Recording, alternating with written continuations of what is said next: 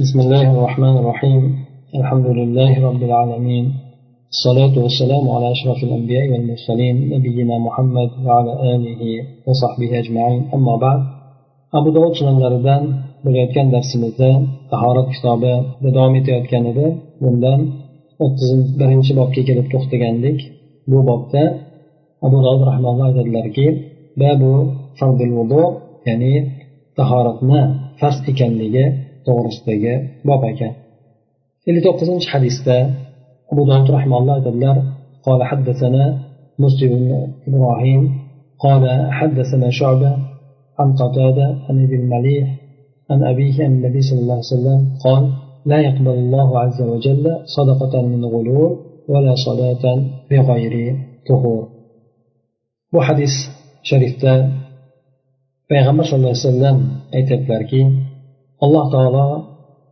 g'ululdan bo'lgan ya'ni haromdan bo'lgan sadaqani qabul qilmaydi.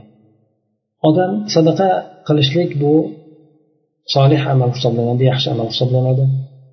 Ya'ni alloh taolo rozi bo'ladigan olloh qabul qiladigan amal bo'ladi. Modomiki harom narsadan sadaqa qilinar ekan bu narsani alloh taolo haromdan qilinganligi uchun qabul qilmaydi deb aytyaptilar. G'ulul degani o'zi aslida o'ljadan ya'ni dushmandan olinadigan o'ljani taqsimoti bo'lmasdan turib undan bekitiqcha o'g'irlab olinishligini g'ulul deyiladi. Ya'ni o'ljadan bekitiqcha taqsimotdan oldin o'ziniki qilib bekitib oladigan bo'lsa bu narsani g'ulul deyiladi. Ya'ni buni xiyonat orqali qilinadi bu narsa. Mana shuni demak e, shundan g'ululdan ya'ni bu asli g'ulul bo'lishligi bu narsa harom bo'lar edi. O'sha harom topilgan narsadan sadaqa qilinadigan bo'lsa alloh taolo bu sadaqani qabul qilmas ekan.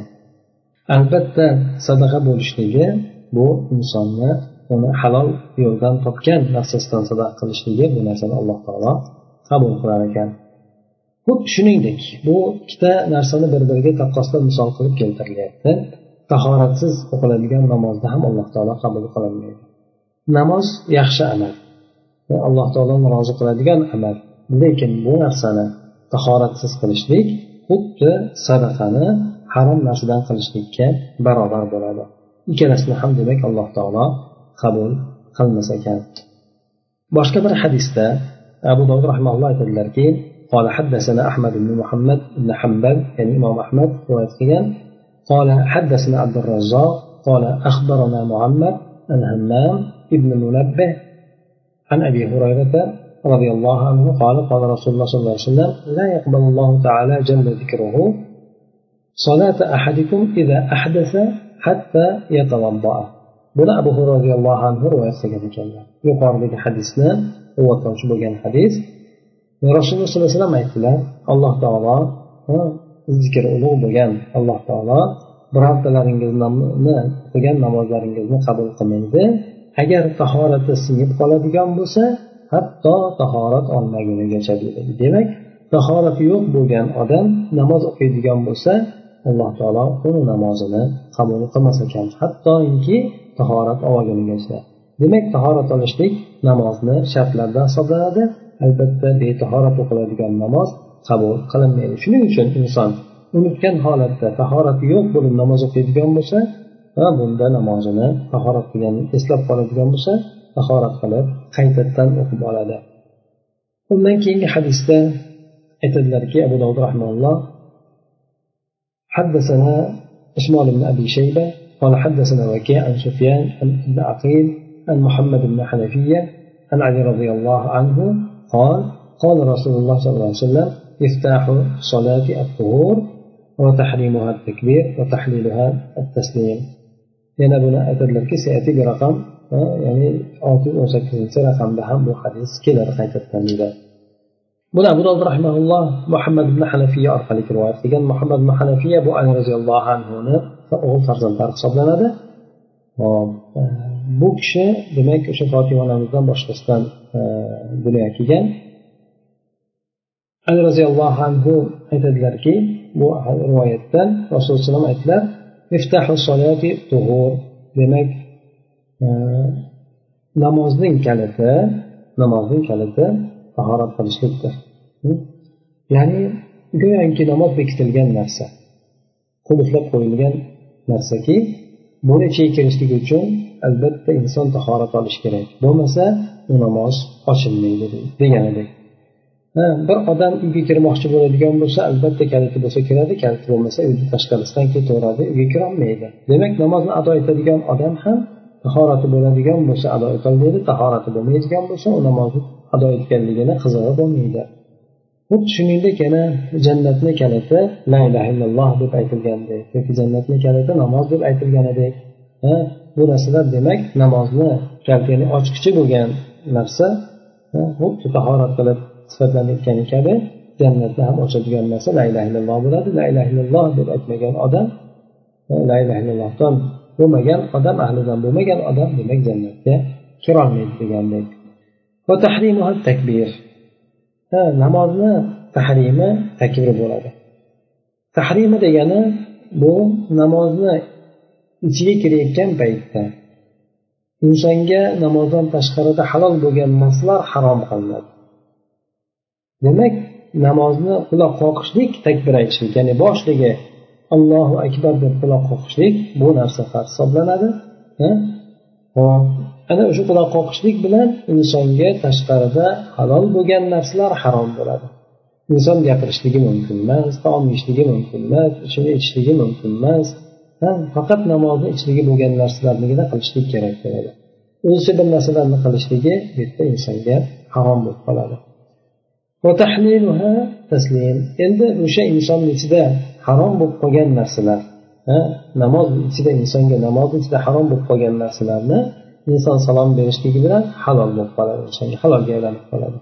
Demak namozni o'qib turgan paytida yeb ichishligi gapirishligi mumkin emas bo'ladigan bo'lsa namozdan chiqishlik bilan salom berishligi bilan bu insonga o'sha narsalar yana halolga aylanib qoladi deydi.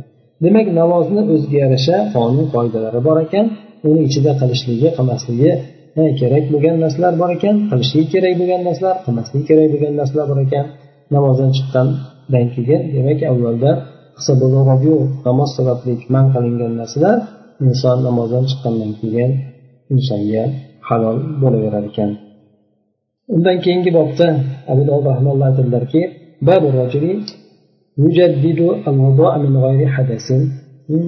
kishi hmm, ya'ni tahorat ketmasa ketmasa ham tahoratini yangilaydigan odam borasida ya'ni tahorati yo'q tahorati bo'lib turib ustiga tahorat qiladigan odam borasidagi bob ekan bu hadisni zaif deb aytgan ekan lekin buni amali boshqa rivoyatlarda sobit bo'lganligi uchun tahorati bo'lib turib tahorat qilishlik mustahab amal deb qolaveradi أبو داود رحمه الله aytadilarki حدثنا محمد بن يحيى بن فارس قال حدثنا عبد الله بن بريد المقري يعني تحويل سنة تحويل قilishlik قال أبو داود aytadilarki حدثنا مسدد قال حدثنا عيسى بن يونس قال حدثنا عبد الرحمن بن زياد وهو ابن أنعم.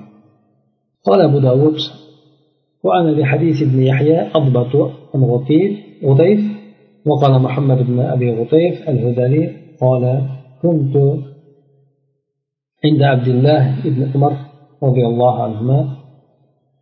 فلما نودي بالظهر توضأ فصلى فلما نودي بالعصر توضأ فقلت له فقال كان رسول الله صلى الله عليه وسلم يقول من توضأ على طهر كتب له عشر حسنات قال أبو داود هذا حديث مسدد فهو أتم demak abu dovud bu hadisni abdulloh ibn umar orqali rivoyat qilyapti muhammad ibn abi g'utayf degan odam aytadiki abdulloh ibn umarni huzurida bo'lgan edim. Peshinga ozon aytilgan paytida tahorat qildilar keyin namoz o'qidilar. Asrga ozon aytilgan paytdan tahorat oldilar dedi. Men u kishiga aytdimki ha nimaga bunday qildingiz? Tahoratsiz bo'lib tahorat oldingiz? deb so'radim dedi. U kishi aytdilarki rasululloh sollallohu alayhi vasallam aytadilar kim tahorati bo'lib turib tahorat oladigan bo'lsa unga o'n barobar ajr yoziladi deb abu dovud yuqorida aytadilarki men ibn yahyoni hadisini yaxshi o'zlashtirganman yaxshi e, puxta qilganman deydi abu dovud ya'ni bu abu yahya demak abu dovudni ustozlari e, muhammad ibn yahya bo'lganlar hamda musaddad bo'lganlar. Endi e, ikki rivoyat orqali bu hadisni rivoyat qilyapti. Birisi o'sha muhammad ibn yahya orqali ikkinchisi musaddad orqali. Ikkalasi ham ustozi. Lekin e, birisini e, puxtaroq bilgan ekan abu dovud dedilarki ibn yahyoni hadislarini puxtaroq bilganman. Bu g'utayfdan rivoyat qilgan. Yuqorida mana yuqorida keltiryapti buni. Hop endi yana oxirida aytyaptiki bu musaddanni hadisi bu to'liqroq deyapti. Demak bir hadis ibn yahyoni hadislari bu qisqaroq suratda berilgan ekan. Buni abu dovud e, bobtini tartibini puxta qilgan ekan. Ikkinchi hadis esa mutil orqali rivoyat qilingan lekin bu u darajada bobtini yaxshi qilmagan bo'lsa ham lekin uni hadisi to'liqroq suratda kelyapti ekan demak bu yuqorida aytilgan e, rivoyat qilgani bu musaddadli hadislar ekan. Bu to'liq suratda kengroq suratda kelgan ekan. Demak ibn yahyoni rivoyati esa bu rivoyatdan ko'ra qisqaroq suratda rivoyat qilingan ekan. Lekin bu hadislarga э, olimlar mana э, o'zi ham alboniy ham buni zaif deb э, aytib o'tgan ekan. Lekin aytib o'tganimizdek yuqorida ham hadisda kelgan payg'ambar sallallohu alayhi vasallam tahorat har bitta namozga tahorat qilishlikka buyurilganda buyurilgandim deb aytadi. Bu narsa og'ir kelib ketgan paytida u kishi muslak tushlikka buyurilgan shu narsani aytgan edi. Demak vojib bo'lib turgan narsasi o'zgartirilganida hamda mustahabligi bo'yicha qolgan deb olimlar aytishadi. Demak payg'ambar alayhisalomga oldin vojib bo'lgan qiyinchilik bo'lib qolgandan keyin o'rniga musak qilishlikka o'tib ketgan demak u amal mustahablik bo'yicha qolgan vojiblikdan mustahabga ko'chgan deyishadi. Shuning uchun tahorati bo'lib turib tahorat olishlik bu mustahab bo'lgan amallardan insonga demak hazili ziyoda qilib beriladi. Bu yerda qayta tahorat olishlikni fazlini aytib o'tilyapti. Mana abdulloh umar ham mana shu narsani qilar ekanlar. Bir tahorati bo'lib turgan tahorat olishligi bu insonni ya'ni himmatini yuqoriligiga dalolat ham qiladi. Payg'ambar sallallohu alayhi vasallam bir tahorat bilan aytib o'tgandik bir necha namozlarni o'qiganligi ham kelgan. Bitta tahorat har bitta namozga tahorat qilganliklari ham kelgan e, demak inson har bitta namozga tahorat qilishligi ham mumkin ekan tahorati bo'ladigan bo'lsa bir necha namozni bir tahorat bilan o'qishligi ham mumkin ekan سبحانك اللهم وبحمدك نشهد ان لا اله الا انت نستغفرك ونتوب اليك اللهم انفعنا بما علمتنا وعلمنا ما ينفعنا وزدنا علما